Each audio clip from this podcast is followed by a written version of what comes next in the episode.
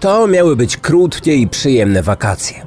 Czas na dobrą zabawę i odrobinę odpoczynku. Grupa 20 kobiet wyjechała świętować zbliżający się wielkimi krokami ślub i wesele jednej z nich. Niestety, nie wszystkie wróciły do domu i kiedy nadszedł długo wyczekiwany dzień ślubu, zamiast radosnych tematów był smutek i rozpacz. Każdy zadawał sobie pytanie, co stało się z Kirsty? Kobieta miała być druhną swojej najlepszej przyjaciółki. Ustaliły to już wiele lat wcześniej. Te plany pokrzyżowała jednak pewna sytuacja, do której doszło podczas wyjazdu. Pytanie tylko, czy był to wypadek, czy jednak ktoś się do tego przyczynił. Kryminatorium. Otwieramy akta tajemnic. Główną bohaterką dzisiejszego odcinka jest 27-letnia Kirsty Maxwell. Kobieta urodziła się w 1989 roku w Edynburgu w Szkocji. Była najstarszym z trójki dzieci państwa Kari. Kilka lat po jej narodzinach rodzina przeniosła się do Livingstone w West Lothian. Dziewczyna ukończyła miejscową szkołę średnią i poszła na studia. Później podejmowała się różnych prac. W końcu zatrudniła się w prestiżowej korporacji zajmującej się finansami i bankowością. Była ceniona przez pracodawców. Dobrze wywiązywała się z powierzonych jej obowiązków. Miała dużą szansę na to, że pewnego dnia daleko zajdzie w swoim zawodzie. Prócz sukcesów zawodowych, kobieta w pracy znalazła wielu znajomych i przyjaciół. Wszyscy postrzegali ją jako ciepłą i sympatyczną osobę. Swojego partnera poznała, kiedy miała 17 lat. To był udany związek. Po 9 latach, we wrześniu 2016 roku, pobrali się. Wtedy przyjęła nazwisko męża Maxwell. Ceremonia ślubna odbyła się na Cyprze.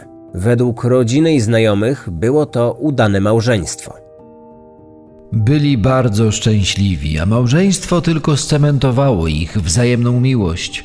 Wiele ich łączyło, w szczególności to, że oboje byli bardzo rodzinnymi osobami. Dobry kontakt z rodzicami i rodzeństwem był dla nich podstawą. Ona często opowiadała o ich wspólnych planach.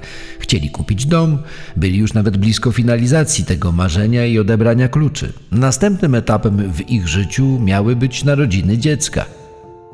Kirsty chciała zostać matką. Kupno domu, w którym oboje mogliby wychowywać dzieci, przekonywało ich do tego, że już niebawem powinni rozpocząć starania o nowego członka rodziny. Byli młodzi i pełni energii.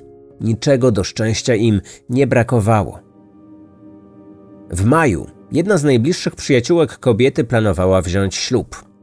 Kirsty była szczęśliwą mężatką od siedmiu miesięcy. Dlatego cieszyła się tym, że jedna z ważnych dla niej osób również zazna podobnego szczęścia. Zwłaszcza, że narzeczony jej przyjaciółki był jednocześnie przyjacielem jej męża. Na ślubie Kirsty miała być druhną panny młodej. Była tym faktem bardzo zaszczycona. Aby odpowiednio uczcić to wydarzenie, grupa kobiet postanowiła polecieć na weekend do Hiszpanii. Cała paczka liczyła 20 przyjaciółek. Znały się od lat i traktowały się niemal jak rodzone siostry. Costa Blanca to popularny wśród turystów region w Hiszpanii. Przyciąga zwłaszcza osoby, które lubią dobrą zabawę. Brytyjczycy chętnie tam przyjeżdżają. Głównie po to, aby się tam zrelaksować, wypocząć na plaży czy zwyczajnie poimprezować. Kobiety doszły do wniosku, że zamiast jednego wieczoru spędzą wspólnie cały weekend. Powylegują się na plaży, sącząc drinki. Poza tym chciały zaznać trochę lata na początku wiosny i odpocząć od typowej brytyjskiej pogody. Do Benidorm przyleciały 28 kwietnia 2017 roku. Wynajęły sześć pokoi w apartamentowcu znajdującym się w centrum miasta. W pobliżu była plaża i wiele klubów oraz restauracji. Chwilę po godzinie 21 zameldowały się na miejscu. Budynek był ogromny, składał się z 11 pięter. Apartament o numerze 9A, w którym Kirsty miała nocować, znajdował się na dziewiątym piętrze. Przyjaciółki zostawiły swoje rzeczy w pokojach, wzięły prysznic i przebrały się. Każda z nich miała na sobie różowy t-shirt z nadrukiem stworzonym specjalnie na wieczór panieński. Chciały się wyróżnić i pokazać, że stanowią jeden zespół. Wszystkie były tego wieczoru w wyjątkowo dobrych humorach. Zrobiły sobie mnóstwo wspólnych zdjęć. Na wielu z nich widać uśmiechniętą i pełną życia Kirsty. Całą grupą poszły na imprezę do klubu. Wypiły dużo alkoholu i praktycznie całą noc spędziły na parkiecie. Około godziny piątej nad ranem część kobiet była już zmęczona i chciała wrócić do swoich pokoi. Te, które nie były już w stanie dłużej się bawić, wyszły z klubu. Wśród nich była także Kirsty. Hotelowy monitoring zarejestrował, jak trzy młode kobiety w różowych koszulkach wchodzą do budynku i kierują się w stronę windy. Była godzina 5.35. Wszystkie wyglądają na zmęczone. Widać wyraźnie, że są pod wpływem alkoholu. W ich zachowaniu nie było jednak nic niepokojącego. 27-latka była mocno pijana. Jedna z koleżanek doprowadziła ją do pokoju. Chciała mieć pewność, że Kirsty bezpiecznie tam dotrze, że nie zaśnie po drodze w windzie lub nie przewróci się na korytarzu. Przyjaciółka widziała, jak Kirsty otwiera drzwi do pokoju i wchodzi do środka. Zdjęła tam buty i położyła się do łóżka. Ewidentnie była zbyt zmęczona, aby wziąć prysznic czy zmienić ubranie. W tym pokoju mieszkało jeszcze kilka innych kobiet, ale one zostały na imprezie dłużej. Gdy wróciły parę minut przed siódmą, Kirsty pogrążona była w głębokim śnie. Głośno chrapała. To rozbawiło jej przyjaciółki do tego stopnia, że postanowiły uwiecznić to na nagranym filmie. Taka forma żartu, które często robiły sobie nawzajem. No i niecodzienna pamiątka z wyjazdu do Hiszpanii. Kirsty sama uwielbiała nagrywać głupie filmiki lub płatać przyjaciołom jakieś figle. Kobiety nie mogły doczekać się, aż pokażą jej to nagranie. Wkrótce stało się ono dla nich cenniejsze niż kiedykolwiek mogły przypuszczać. W końcu pozostałe uczestniczki wieczoru panieńskiego także zasnęły. Gdy obudziły się niecałą godzinę później, zauważyły, że Kirsty nie było z nimi w pokoju.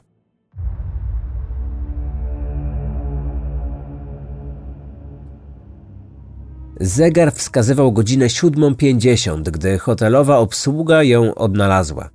Kirsty zamiast leżeć we własnym łóżku, leżała w kałuży własnej krwi, tuż przy basenie. Natychmiast powiadomiono policję. Kilka minut później pracownicy hotelu zostali postawieni na nogi. Wszyscy goście byli przerażeni. Koleżanki kobiety były pijane i zaspane, kiedy usłyszały o tym, co się wydarzyło. Jednak ta tragiczna wiadomość od razu je otrzeźwiła. Nie mogły w to uwierzyć. Zaledwie godzinę wcześniej ich przyjaciółka była z nimi w pokoju. Spała, czego dowodził film nagrany o 6.50. Sprawą zajęła się miejscowa policja. Jej pierwszym zadaniem było ustalenie, co dokładnie wydarzyło się w hotelowym pokoju. Wszystko wskazywało na to, że ofiara zmarła w wyniku upadku z dużej wysokości. Budynek był wysoki, a każdy pokój posiadał balkon. Nie było wątpliwości, że kobieta z niego wypadła. Policjanci nie byli jednak w stanie stwierdzić, w jakich okolicznościach. Czy pijana 27-latka wypadła z balkonu, wyskoczyła, a może została przez kogoś wypchnięta. Hiszpańscy śledczy początkowo założyli, że śmierć kobiety była wynikiem nieszczęśliwego wypadku. W tej turystycznej miejscowości dochodziło już wcześniej do podobnych tragedii z udziałem turystów. Takie historie to tutaj nic nowego. Młodzi ludzie zjeżdżają tu z całego świata, chcą się dobrze zabawić, często z udziałem alkoholu lub innych substancji, które mocno wpływają na zachowanie człowieka. Kobiety, które przyjechały tutaj na wieczór panieński w noc poprzedzającą wypadek, były na imprezie, na której piły alkohol. A kto wie, może i brały jakieś nielegalne substancje? To wszystko wykażą szczegółowe badania. Pozostałe kobiety przekonywały stróżów prawa, że żadna z nich nie zażywała narkotyków i na pewno nie robiła tego także ofiara. Kirsty stroniła od nielegalnych substancji. Nigdy w życiu nawet ich nie spróbowała. W trakcie imprezy Brytyjki piły wyłącznie alkohol. To prawda, że nad ranem wszystkie były pijane, ale nie na tyle, aby wyskoczyć lub wypaść z balkonu. Kobiety wykluczyły także możliwość, że ktoś mógł dosypać im czegoś do drinków. Przez całą noc uważnie tego pilnowały. Dość szybko okazało się, że pierwsze założenia policji były błędne. Kobieta nie wypadła z balkonu w swoim pokoju na dziewiątym piętrze. Ułożenie ciała oraz obrażenia wskazywały, że musiała spaść z piętra dziesiątego, czyli z wysokości około 30 metrów. I nie miała absolutnie żadnych szans na przeżycie. Potwierdził to przeprowadzony na miejscu eksperyment. Gdyby do wypadnięcia doszło z jej pokoju, ciało 27-latki upadłoby w innym miejscu. Wtedy pojawiło się ważne pytanie: jak pijana kobieta znalazła się piętro wyżej, w pokoju ulokowanym dokładnie nad jej pokojem? Policja sprawdziła, kto tam mieszkał. Okazało się, że podobnie jak ofiara, goście z dziesiątego piętra także byli Brytyjczykami, a dokładniej Anglikami. Pięciu mężczyzn zamieszkujących okolice Nottingham w środkowej części kraju. Brytyjczycy i martwa Brytyjka. Czy mógł to być tylko przypadek? Ricky, Antoni, Kalam, Joseph i Daniel zostali przesłuchani przez policję. Twierdzili zgodnie, że nie znali ani Kirsty, ani pozostałych kobiet, które przyleciały ze Szkocji. Przyjaciółki zmarłej kobiety również zeznały, że nie znały żadnego z tych Anglików. Nie spotkały wcześniej żadnego z nich. Wątpiły też, że Kirsty mogła poznać któregoś z nich wcześniej. Na podstawie zeznań piątki z Benidorm, jak mężczyzn zaczęto nazywać później w mediach, śledczy próbowali odtworzyć przebieg wydarzeń. Ustalono, że rano 29 kwietnia około godziny 7.50 Kirsty zapukało do drzwi ich pokoju. Anglicy całą noc imprezowali u siebie. Rano byli skacowani i nie mieli ochoty wstać z łóżka. Na pukanie do drzwi zareagował tylko Joseph. Nie widziałem wcześniej tej kobiety. Kiedy otworzyłem drzwi, to ona wparowała do środka bez słowa. Weszła do łazienki, w niej próbowała otworzyć okno, ale jej się nie udało. Zachowywała się bardzo dziwnie, jakby była piana albo naćpana. Była jakaś obłąkana. Zaraz po wyjściu z łazienki 27-latka pobiegła w stronę balkonu i nagle zniknęła z pola widzenia. Kiedy mężczyzna podszedł bliżej, kobiety już tam nie było. Leżała 30 metrów niżej, obok basenu w kałuży własnej krwi. W trakcie składanych zeznań świadek kilka razy podkreślił, że ofiara była bardzo piękną kobietą. Rzeczywiście, 27-latka uważana była za atrakcyjną. Miała duże powodzenie u mężczyzn. Jednak takie słowa wypowiadane przez świadka, który jako ostatni widział ją żywą, zdaniem śledczych, brzmiały bardzo dziwnie. Czy miał on wystarczająco dużo czasu, aby dokładnie się jej przyjrzeć? Przecież sam twierdził, że nigdy wcześniej jej nie widział, a wydarzenia w jego pokoju potoczyły się naprawdę bardzo szybko, a może wszystko wyglądało zupełnie inaczej. Pozostali Anglicy początkowo twierdzili, że w ich pokoju nie było żadnej kobiety. Byli nawet wyraźnie zaskoczeni tym, że to właśnie oni są przesłuchiwani w sprawie jej śmierci. Nie pokrywało się to ze słowami ich kolegi, który wcześniej przyznał, że 27-latka weszła nieproszona do środka. Być może Ricky, Anthony, Callum i Daniel spali albo byli zbyt pijani, aby wszystko zapamiętać, ale policjanci nie mieli już wątpliwości, że to właśnie z ich balkonu wypadła szkotka. Później mężczyźni zmienili swoją wersję. Przypomnieli sobie, że Kirsty faktycznie znalazła się w ich pokoju. Nie mieli jednak pojęcia, dlaczego ich odwiedziła. Zapewniali, że jej śmierć musiała być tylko nieszczęśliwym wypadkiem, a oni nie mieli na jej tragedię absolutnie żadnego wpływu. Leżeli przecież w łóżkach i tylko Joseph mógł widzieć, co tak naprawdę się wydarzyło tamtego ranka. Śledczy postanowili sprawdzić życiorysy całej piątki. Wtedy zaczęły wychodzić na jaw niespodziewane fakty. Jakiś czas wcześniej Joseph został oskarżony w Wielkiej Brytanii o napaść seksualną. Jednak cała sprawa szybko została umorzona. Nie wiadomo dokładnie dlaczego, ale prawdopodobnie nie było przeciwko niemu wystarczających dowodów. Mężczyzna miał również problemy z nielegalnymi substancjami. Kiedy podczas przesłuchania śledczy zauważyli krew w jego nosie, Joseph tłumaczył jej obecność zażyciem narkotyków. Jednak hiszpańscy policjanci zaczęli wtedy podejrzewać, że jego krwawienie mogło mieć bezpośredni związek ze śmiercią 27-latki. Czyżby pomiędzy Anglikiem i Szkotką doszło do jakiejś szarpaniny lub bójki? A jeśli tak, to czy mężczyzna mógł ją wcześniej podstępem zaprosić do swojego pokoju, a później próbował ją zgwałcić? Według tej wersji zdarzeń oboje stali blisko balkonu.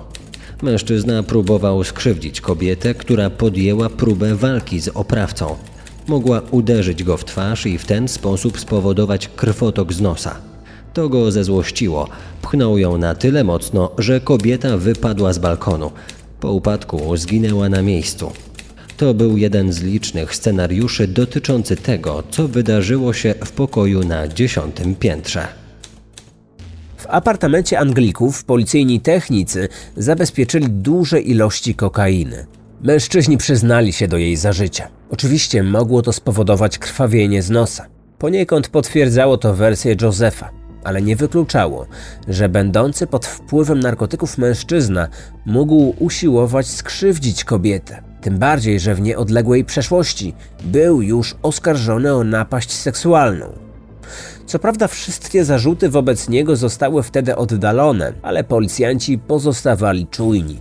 Przecież często zdarza się, że sprawcy zgwałceń nie ponoszą odpowiedzialności karnej za swoje czyny, ponieważ w przypadku takich przestępstw trudno zgromadzić dowody. Joseph, jako jedyny z Anglików, został uznany za głównego podejrzanego i aresztowany pod zarzutem przyczynienia się do śmierci niedoszłej druhny. Areszt opuścił po wpłaceniu kaucji. Niedługo później cała piątka z Benidorm wróciła do swoich domów w Wielkiej Brytanii.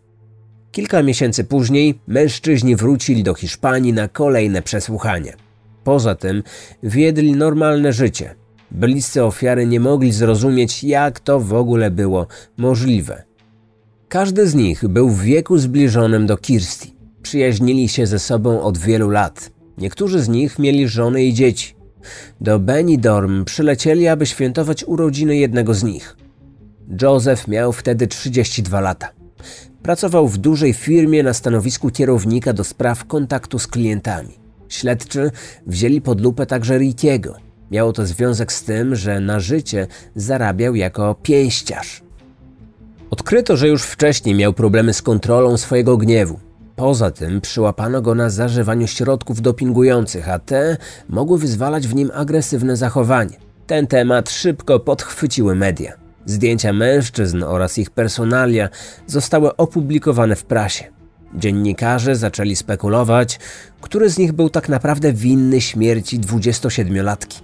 Na sprawcę typowano głównie Josefa Irikiego, choć ten drugi nie został przez policję aresztowany. Sekcja zwłok wykazała, że kobieta zmarła wskutek upadku z dużej wysokości. Nie miała żadnych innych obrażeń. Badania toksykologiczne wykluczały zażycie przez nią narkotyków, natomiast potwierdziły spożycie dużej ilości alkoholu. Zastanawiano się, czy aby przypadkiem to właśnie alkohol nie przyczynił się do jej dziwnego zachowania, a w konsekwencji do śmiertelnego wypadku. Kiedy Anglicy wrócili do swoich domów, nadal znajdowali się pod lupą hiszpańskich organów ścigania, zwłaszcza Joseph. 32-latek uparcie jednak twierdził, że jest absolutnie niewinny. Nie miałem nic wspólnego ze śmiercią tej kobiety. Nie wiem, dlaczego przyszła do naszego pokoju. Moi przyjaciele również nie mają na ten temat zielonego pojęcia. To jedno wielkie nieporozumienie. Ona sama wypadła. A ta sprawa z dragami, które zażyłem, no cóż, to się zdarzyło tylko raz, okazjonalnie. Nie jestem uzależniony. Joseph wydał oficjalne oświadczenie na piśmie. Zapewnił w nim, że nie ma nic wspólnego z tragicznym wypadkiem kobiety.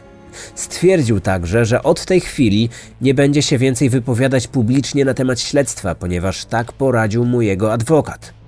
Przy okazji zwrócił się za pośrednictwem mediów do całego społeczeństwa, aby wszyscy dali mu już święty spokój i zaprzestali rozpowszechniania fałszywych plotek na jego temat. Trzy lata temu hiszpańska prokuratura oraz sędzia śledczy oficjalnie uznali, że do śmierci Kirsty Maxwell doszło wskutek nieszczęśliwego wypadku.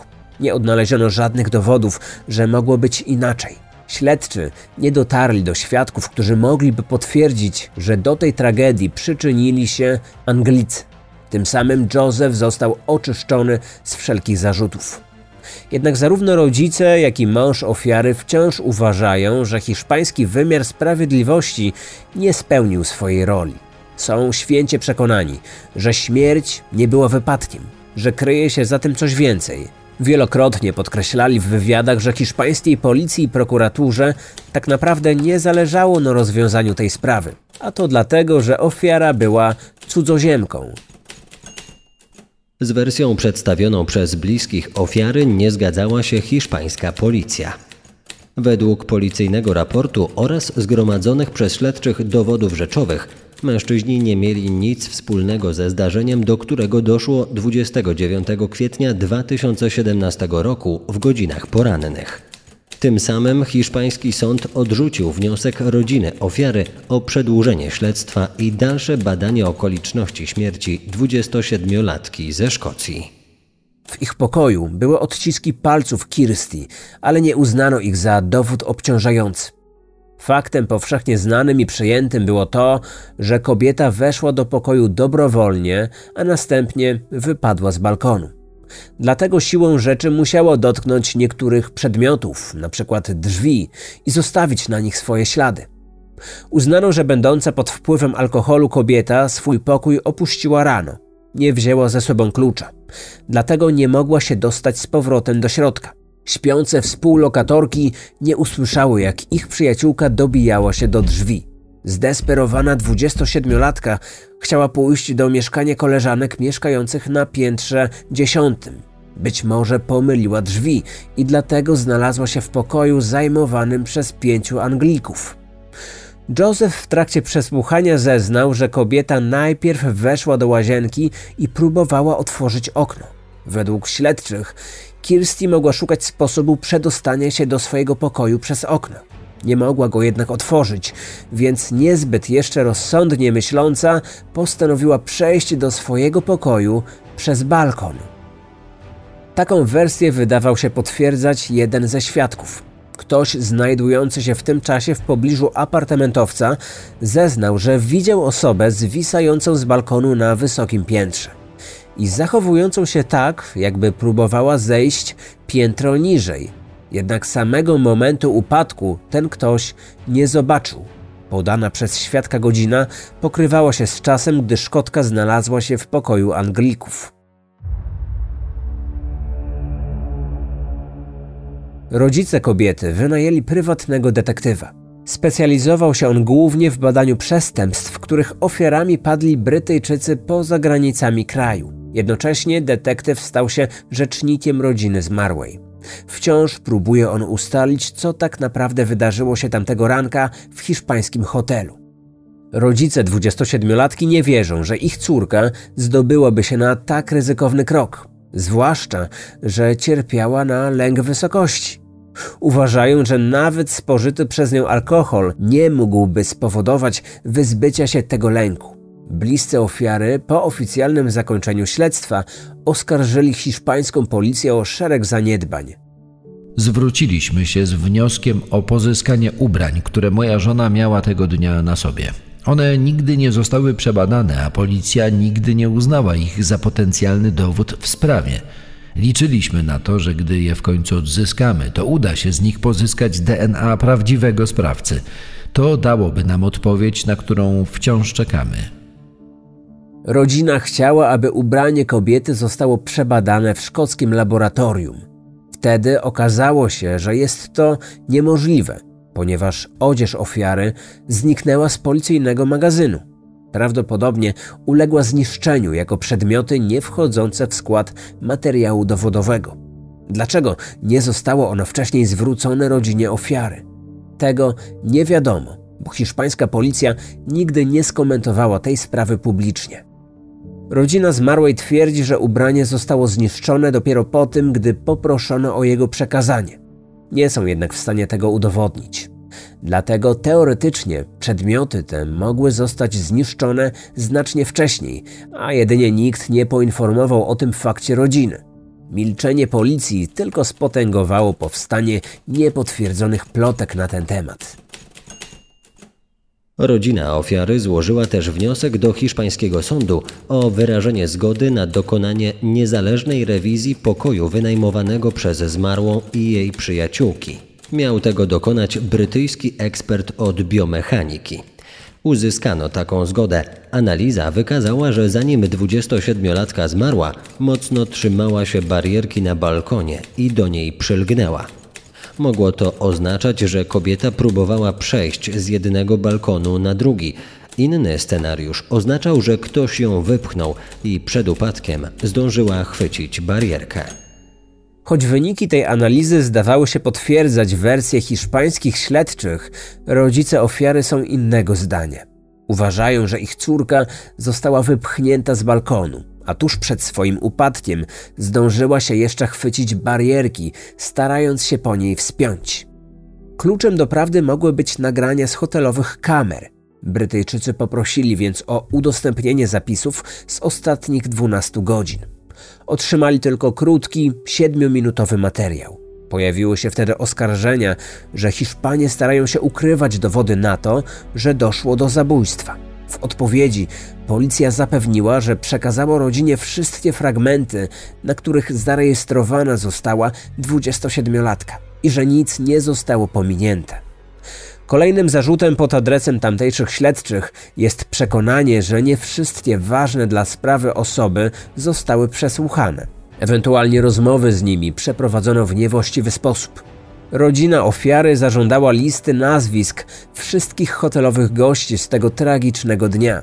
Hiszpanie odmówili udostępnienia takiej informacji, powołując się na ochronę danych osobowych. Choć sprawa oficjalnie uznana została za nieszczęśliwy wypadek, wiele osób wciąż ma wątpliwości. Przeciwnicy takiej wersji wykazują na to, że zbyt wiele jest tutaj pytań bez odpowiedzi, zbyt wiele niewiadomych, zbyt wiele dziwnych zbiegów okoliczności. W sieci można się natknąć na co najmniej kilka ciekawych teorii związanych z tym wszystkim.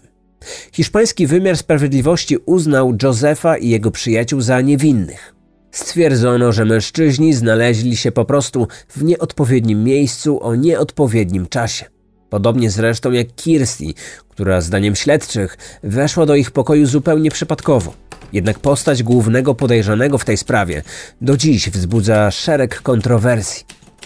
Usprawiedliwiał się tym, że nigdy nikogo nie skrzywdził, a wcześniejszy zarzut napaści seksualnej był zwykłym nieporozumieniem. Podobnie miało być z nielegalnymi substancjami zabezpieczonymi w hotelowym pokoju. Wszystko jego zdaniem było wynikiem przypadku. W normalnych okolicznościach nic takiego by się nie wydarzyło. Jednak powstała teoria, według której Joseph w jakiś sposób, podstępem lub siłą, sprowadził 27-latkę do pokoju. Kobieta faktycznie mogła po przebudzeniu wyjść z pokoju i później mieć problemy z powrotem. Jest wiele różnych możliwości związanych z tym, jak znalazła się u Anglików. Joseph mógł wyjść z pokoju i wtedy zauważyć, jak kobieta błądzi po hotelowym korytarzu. Może zaoferował jej pomoc. Czy pijana kobieta skorzystałaby z takiej propozycji? Czy zaufałaby zupełnie nieznanemu jej mężczyźnie? A może przekonało ją to, że on także był Brytyjczykiem? Czyż rodacy nie powinni się wzajemnie wspierać w trudnych sytuacjach, zwłaszcza ci przebywający za granicą? Zwolennikom teorii o zabójstwie bardzo logiczna wydaje się również wersja mówiąca, że Kirsty zapukała do Anglików, szukając pokoju swoich przyjaciółek mieszkających na dziesiątym piętrze, że weszła do nich z własnej woli. Być może nawet nie zdawała sobie do końca sprawy, że źle trafiła. Mężczyźni mogli szybko ocenić, że jest atrakcyjna, a w dodatku pijana, czyli tak naprawdę bezbronna. Może próbowali ją zgwałcić, licząc na to, że później ich ofiara niczego nie będzie pamiętać. Czy właśnie wtedy wywiązała się między nimi szamotanina zakończona wypchnięciem kobiety z balkonu? Odpowiedź na te pytania mogłaby dać analiza odzieży ofiary. Jeżeli ktokolwiek próbował jej wówczas zrobić krzywdę, na pewno zostawiłby swój materiał biologiczny na ubraniu. Te jednak bezpowrotnie przepadło. Pojawiła się również teoria o samobójstwie, jednak rodzina kobiety nigdy nie uwierzyła w takie wyjaśnienie. Była pełna życia. Zaledwie kilka miesięcy wcześniej wyszła za mąż. Marzyła o dziecku. Była szczęśliwa, że jej przyjaciółka bierze ślub i nie mogła doczekać się jej wesela. Miała być jej druhną, a to, jak sama mówiła, było spełnieniem jej marzeń. Odrzucając taką wersję, należy jednak pamiętać, że depresja lub jakiekolwiek problemy psychiczne nie zawsze są widoczne dla innych osób. Nie każdy samobójca zostawia list pożegnalny. Jednak, czy gdyby kobieta naprawdę chciała odebrać sobie życie, zrobiłaby to podczas wyjazdu z przyjaciółkami? Tym bardziej, że zdaniem jej towarzyszek absolutnie nic na to nie wskazywało. Z powodu jej lęku wysokości, rodzina kobiety stanowczo odrzuciła możliwość, że chciała ona przejść z jednego balkonu na drugi, ale może znalazła się tam zupełnie z innego powodu. Jej przyjaciele wyraźnie podkreślali, że 27-latka miała ogromne poczucie humoru. Lubiła też odtwarzać trendy z internetu. Warto więc zwrócić uwagę, że w Hiszpanii dość popularną czynnością wśród osób lubiących dreszczyk emocji jest tak zwany balkoning. Osoby decydujące się na podjęcie takiego wyzwania muszą skoczyć z balkonu do basenu wypełnionego wodą. Im jest wyżej i niebezpieczniej, tym lepiej. W Benidorm takie akcje zdarzały się w tamtym czasie dość często. Nikogo to specjalnie nie dziwiło, a już na pewno nie pracowników hotelu. Tylko czy ktokolwiek zdecydowałby się na taki skok z aż 30 metrów? Niektórzy internauci odpowiedzieli, że tak, zwłaszcza jeśli taki śmiałek z powodu wypitego alkoholu nie jest w stanie myśleć racjonalnie. Czy Kirsty mogła należeć do takich osób? Jeden z naocznych świadków twierdził, że widział osobę, która wspinała się po balkonie. Pytanie tylko, czy faktycznie się wspinała, czy może po prostu zwisała, trzymając się barierki i walcząc o życie. Od razu pojawiły się podejrzenia o niewiarygodność tego świadka. Mówiono, że osoba ta chciała jedynie zaistnieć w mediach, a na jej opowieść wpłynęły prasowe doniesienia o tym, że ofiara próbowała dostać się do swojego pokoju przez balkon. Ta na pozór niezbyt skomplikowana sprawa jest przez wiele osób mimo wszystko uznawana za jedną z tych najbardziej tajemniczych. I tak naprawdę trudno dziś powiedzieć, czy poznaliśmy już ostateczną odpowiedź. A może są w tej historii jakieś nieznane karty, które do tej pory nie zostały jeszcze odsłonięte. Odcinek powstał na podstawie informacji z portali newsowych takich jak The Sun i The Daily Record oraz artykułów autorstwa dziennikarzy jak Nick Parker, Neil Sison, Patrick Geisen, Nina Glencross, Sean O'Neill oraz Gerard Cousins.